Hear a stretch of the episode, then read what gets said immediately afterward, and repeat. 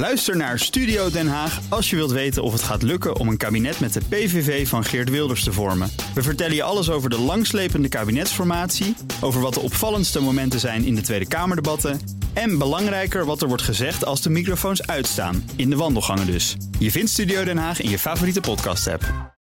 De column van Jaap Jansen. In de slepende kabinetsformatie waar partijleiders deze zomer sikkeneurig om elkaar heen draaiden zonder een knoop door te hakken over wie met wie, ontdekte informateur Mariette Hamer één lichtpuntje. Als je Kamerleden van de nieuwe generatie bij elkaar zet, gaat alles een stuk vlotter.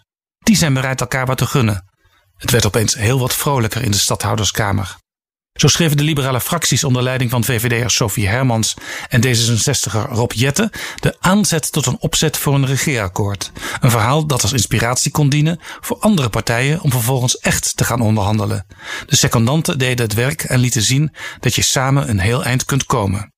Precies die formule wordt nu verder toegepast onder leiding van de informateurs Johan Remkes en Wouter Koolmees. Waarbij Remkes in zekere zin de nieuwe Herman Tjenk Willink is. Hij schreef een dik rapport over het parlementair stelsel en heeft scherpe ideeën hoe je de bestuurscultuur kunt vernieuwen. Bovendien is hij een fixer die taaie problemen oplost. En Koolmees is de nieuwe Mariette Hamer. Haar dossiers zitten allemaal in zijn hoofd. Financiën, sociale zaken, de polder. Hij kent alle geheimen. Hermans en Jette kregen gezelschap van de secondanten van CDA en ChristenUnie, Pieter Heerma en Carola Schouten. In zekere zin jammer dat die partijen ook niet, zoals de VVD en D66, voor de echt nieuwe generatie hebben gekozen. Heerma loopt al zo'n twintig jaar op het Binnenhof rond.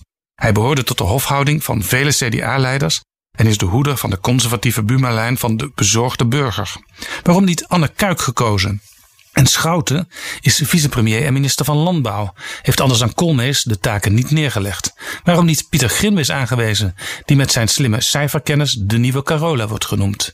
In elk geval, de meeste uren in de formatie worden nu gedraaid door de secondanten, de schaduwleiders, zoals journalist Kees Versteeg deze politieke soort noemt, in een net verschenen boek met die titel. Loyaal de leiders steunen en toch niet bang zijn kritische tegenspraak te geven. Versteeg beschrijft hoe Edith Schippers Mark Rutte hielp de onbetwiste VVD-leider te worden.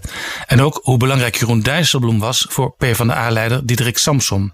Hoewel daar ook een gevaar zichtbaar werd. Die twee waren zo innig dat de fractie zich buitengesloten voelde. Het kan dus ook misgaan. Maar voor de kabinetsformatie die nu eindelijk op gang is gekomen, is het een zegen, die hoofdrol, voor de bijrollen. Dankzij de secondanten komt een nieuw kabinet eindelijk in zicht.